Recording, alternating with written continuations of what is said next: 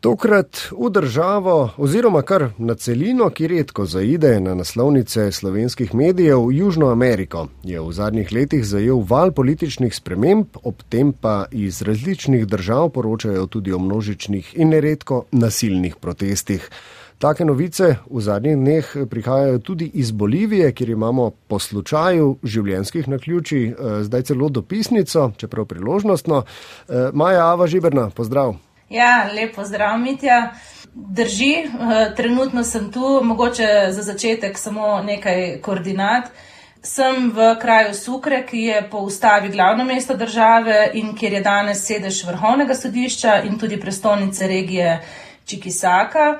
Sicer pa je sedež vlade in predsednika države od leta 1898 v La Pazu. Uh, La Paz je z dobrimi 3700 metri nadmorske višine najvišja ležeča prestolnica na svetu. No, Maja, um, prazniki so za nami, kako si jih praznovala v Boliviji, oziroma, no, eh, ker vem, da si se vmes premikala tudi čez državne meje. Eh, kako je potekalo praznovanje tam, kjer si jih? Uh, ja, božič in novo leto sem preživela tu, v kraju Sukre. Uh, moram reči, da se praznovanje ne razlikuje bistveno od praznovanja uh, pri nas. Tako božič kot novo leto se praznujete v, v družinskem krogu, ob bogati pojedini, če seveda imajo ljudje denar za njo. Revščina je namreč očiten in tudi pereč problem. Mm. Um, mogoče je vrstni red božičnega praznovanja malo drugačen kot pri nas, večer je pozneje, vsekakor po 22. uri zvečer, um, saj se ljudje, po večini katoličani, um, takrat vrnejo z maše. Um, moj božični večer je denimo izgledal tako, um, da sem ob 19. obiskala mašo v bližnji cerkvi Santa Clara.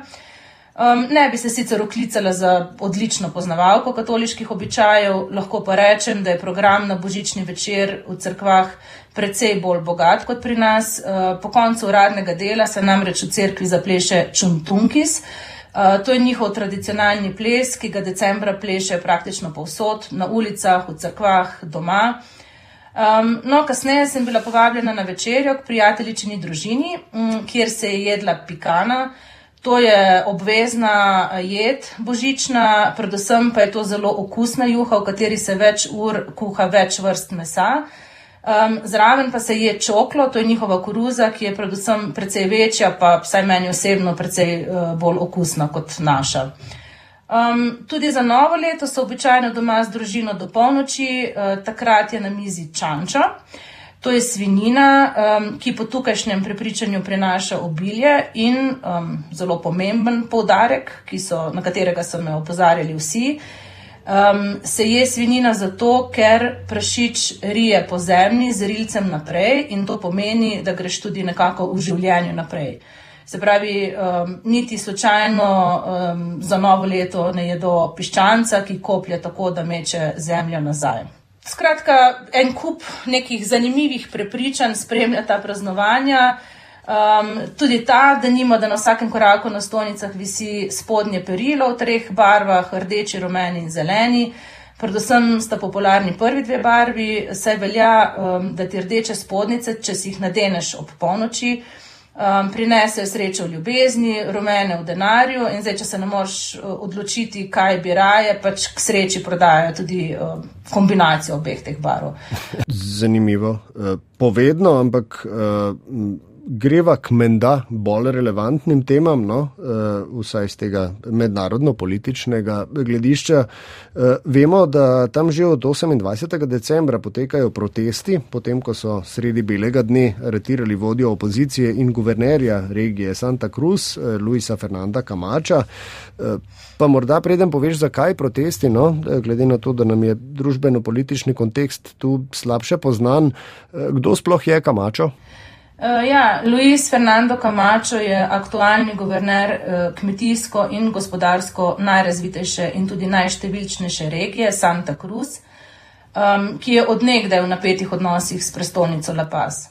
Um, Camacho je tudi nekdani predsedniški, sicer neuspešni kandidat leta 2020 in je tudi prvi obraz opozicije, torej predstavnik desnice, uh, ki je vodil velike proteste leta 2019. Um, po prepričanju mnogih je tudi desničarski populist, um, ki se protestov pogosto udeležuje z Biblijo v rokah in rožnim vencem okoli vratu. Kamačo je seveda velik kritik vladajoče stranke MAS oziroma um, stranke Movimento ali socializmo. Najprepoznavnejši obraz te stranke je še vedno sicer nekdani predsednik Bolivije Evo Morales, uh, čeprav je na čelu države od leta 2020 Luis Arce. No, um, po nareku te stranke so prejšnji četrtek aretirali Kamača z obrazložitvijo, da je pod njegovim vodstvom leta 2019 potekal državni udar. Državno toživstvo pa je pojasnilo, da je Kamačo obtožen terorizma zaradi svoje domnevne vloge pri odstopu levičarskega predsednika Eva Moralesa uh, leta 2019. In tudi, um, da uh, je spodbujal proteste v Santa Cruzu lanskega novembra. Um, pred dvema mesecema je namreč v Santa Cruzu potekala vse splošna 36-dnevna uh, blokada javnega življenja ali tako imenovani El Paro. Uh -huh. uh, no, pri obtožbah, o katerih smo govorili, gre za neresne obtožbe o terorizmu. Uh, opozicija po drugi strani pa aretacijo interpretira kot ugrabitev kamača ne? in povratek v čas diktature. Ja, ton se vsekakor viša na obeh straneh, ne, kar še mm. dodatno podžiga ljudi na ulicah Santa Cruza de la Sierra. Moram povedati, no, da tudi tu v mestu Sukre nisem srečala nikogar, ki bi pritrdil interpretaciji državnega toživstva oziroma stranke MAS, da je Kamačo izvedel državni udar, eh, tudi če niso njegovi podporniki. Predvsem se vsi strinjajo, da eh, način, kot so ga aretirali, ni način eh, za neko razvito državo oziroma državo, ki si jo zaslužijo. In predvsem, da je Kamačo leta 2019 pač vodil upor proti volilni prevari, s katero je Morales takrat prišel na oblast. In takrat je dejansko protestirala vsa država in takrat je Morales tudi podal na koncu odstopno um, um izjavo, odstopil iz položaja in pobegnil v Mehiko. Če se vrnem k aktualnemu dogajanju, um, način aretacije Kamača ljudem zbuja nelagodje in strah. Eh, ko se je denimo prejšnji teden, eh, prejšnji četrtek razvedelo, eh, da so ga aretirali, sem bila ravno na tukajšnji tržni in moram reči, da je novica završala med stolnicami, da so ljudje z zaskrbljenostjo dogajanje spremljali po prenosnih radijskih sprejemnikih in da ni bilo opaziti nikakršnega veselja med prodajalci, da je Kamačo aretiran in to so prodajalci po večini indijanskega porekla. Eh, se pravi ljudje, ki vsekakor ne veljajo za njegove podpornike. Eh, predvsem, kar sem jaz zaznala, je, oziroma kar je bilo čutiti, je bilo čutiti strah pred ponovitvijo tega scenarija iz leta 2019, ko je bilo tudi razglašeno izredno stanje v celotni Boliviji. Mogoče glede aretacije še ena uh, sicer podrobnost, a se mi zdi, da zelo povedna. Uh, Um, Kamača so aretirali sredi belega dne kot največjega zločinca, eh, tako da je policija zaustavila avto, v katerem se je vračal domov, razbila šipe in ga s pištolami, uperjenimi van, uh, zvlekla iz avta. In to se je zgodilo na dan, ko v Boliviji praznujejo dan norcev, torej naš 1. april, ko novica kot je ta zveni kot slaba šala. Ne? Ampak ni bila slaba šala in vse skupaj je še toliko bolj počgalo jezo ljudi. Kakorkoli dejstvo je, da so Kamač odpeljali v zelo glasni in slabo dostopen zapor Čončo Koro, um, ki, bolj pod, ki bolj kot po dobrih razmerah slovi potem, da so tam zaprti najhujši zločinci in da je v njem zaradi medsebojnih obračunov zapornikov uh, kar precej ljudi tudi uh, že izgubilo življenje. Mm, no, ko smo že v srži političnega govorjenja, če lahko tako rečem, eh, se vrnilo, eh, vrniva v Santa Cruz de la Sierra, no, odkuder še vedno prihajajo podobe gorečih stavb, nasilnih spopadov med policijo in protestniki. In, no, pravzaprav tu dalje ne vemo, kaj dosti, ne, razen da do protestov in tudi spopadov z organi pregona res prihaja. Uh, ti protesti so vsekakor nasilni in nažalost Bolivija, pa tudi druge južnoameriške države v zahodne medije najpogosteje pridejo le, ko je prisotno nasilje.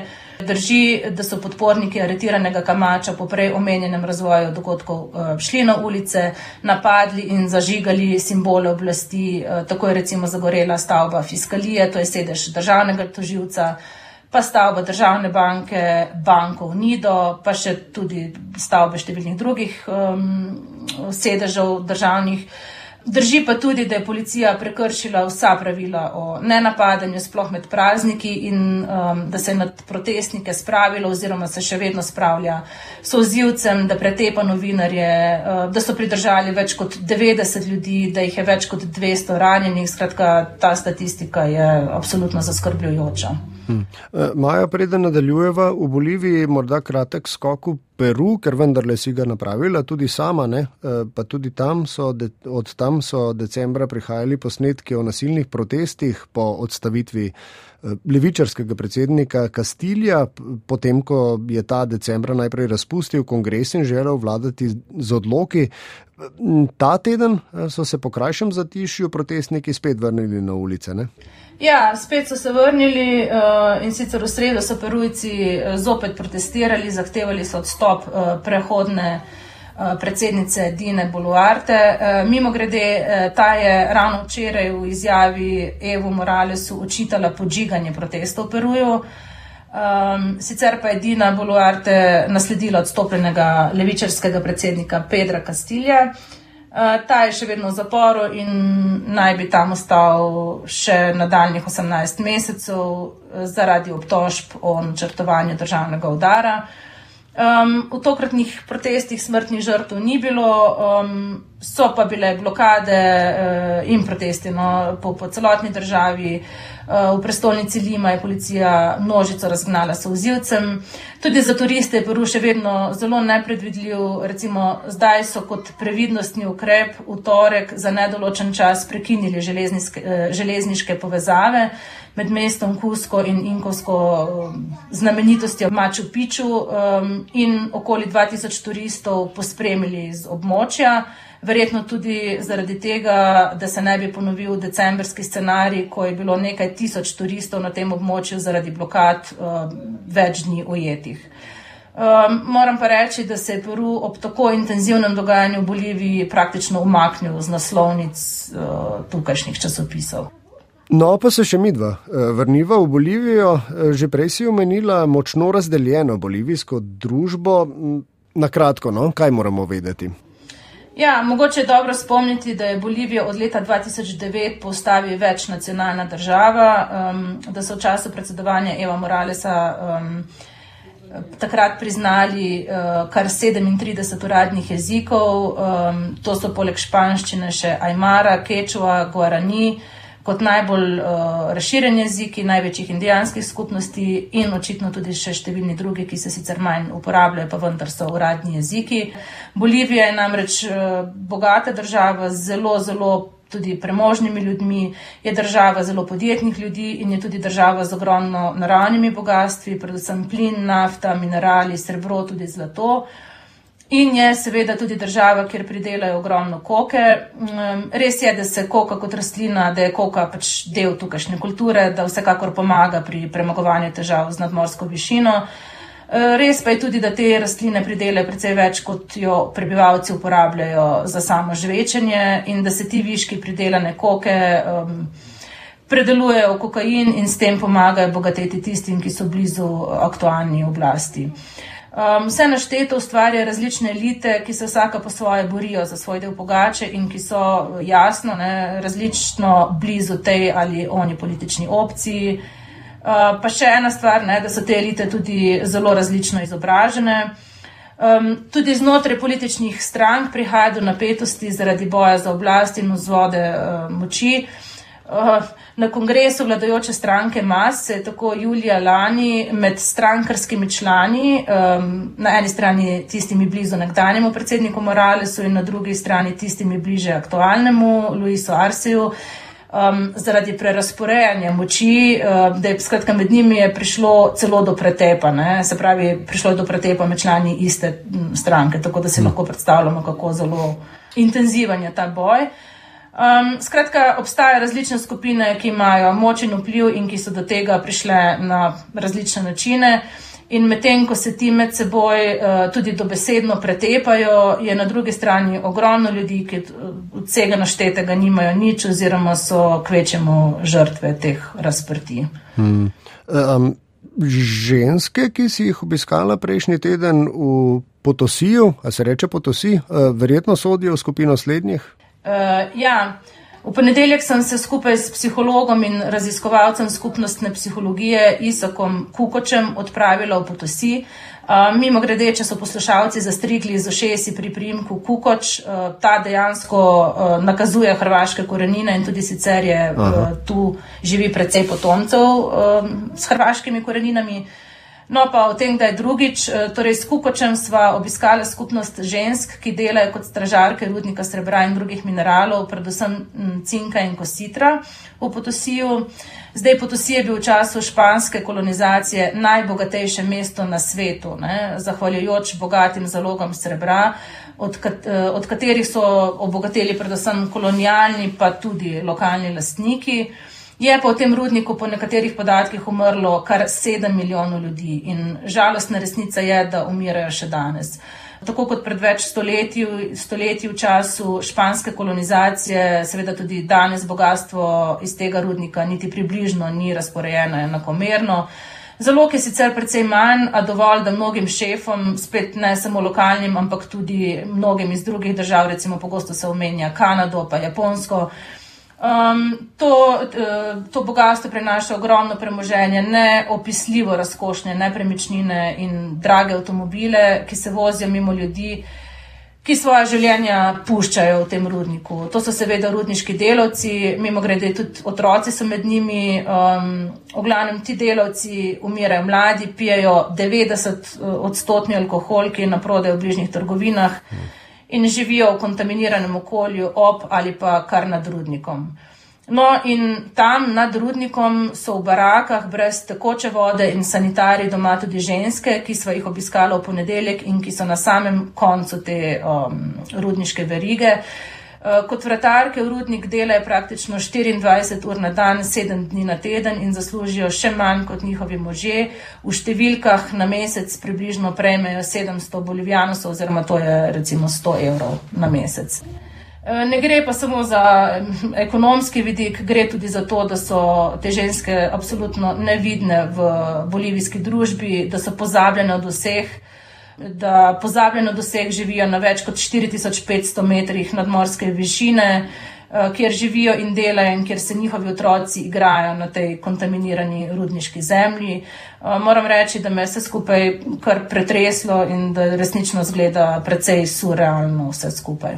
Tudi zveni pretresljivo. Eh, kaj bo torej Maja sklenila pod črto, po dveh mesecih bivanja v Boliviji, saj veš, eh, nepisano in včasih celo upoštevano pravilo 18. sporednika je, da če je le mogoče oglašanja naših dopisnikov, sklenemo s kakšno bolj optimistično mislijo. Ja, lepo prosim, zelo bom zelo hvaležna za priložnost. Daj ti. Uh, ne, resno mislim, no, Bolivija je res uh, krasna država, čudovitih ljudi, uh, izredno bogate zgodovine in kulture. Uh, tudi izjemne narave, če se omejim in omenim samo slano jezero Salarde v Juni. Pa še svojo osebno afiniteto bi tu umestila. Namreč je tudi država potepuških in zelo simpatičnih kuškov, ki živijo svoje poulična življenja in delujejo ja, zelo zadovoljni. Tako da to je tudi lepo v tej državi. Je tudi država, no, kjer kljub vsemu naštetemu ohranjajo nekako pozitiven odnos do življenja in uživajo v tem, kar imajo. Pa če sem na začetku omenjala kulinarične dobrote, mogoče z njimi še zaključim. Um, Bolivija res ni raj za vegetarijance, je pa kraj za številne druge dobrote in prav veselim se Kočabambe, kamor se odpravljam v kratkem in ki velja za um, kulinarično prestolnico Bolivije. Tako da Toliko. Mm, Toliko. Eh, torej, uh, hasta luego, lepe pozdrave v Slovenijo in vse dobro. Se slišimo uh, od tam, oziroma takrat. Uh, toliko torej, Maja, no? hasta luego uh, v oddaji 18. usporednik. Je bila z nami Maja Ava Žiberna, eh, pa si je ljubka in priložnostna dopisnica, ki seveda želimo vso srečo na nadaljem potovanju po Južni Ameriki eh, in se seveda eh, brez pritiska, če boš imela čas in voljo Maja, veselimo še kakšnega oglašanja v usporednik ali pa kam drugam. Hvala, srečno, lep pozdrav.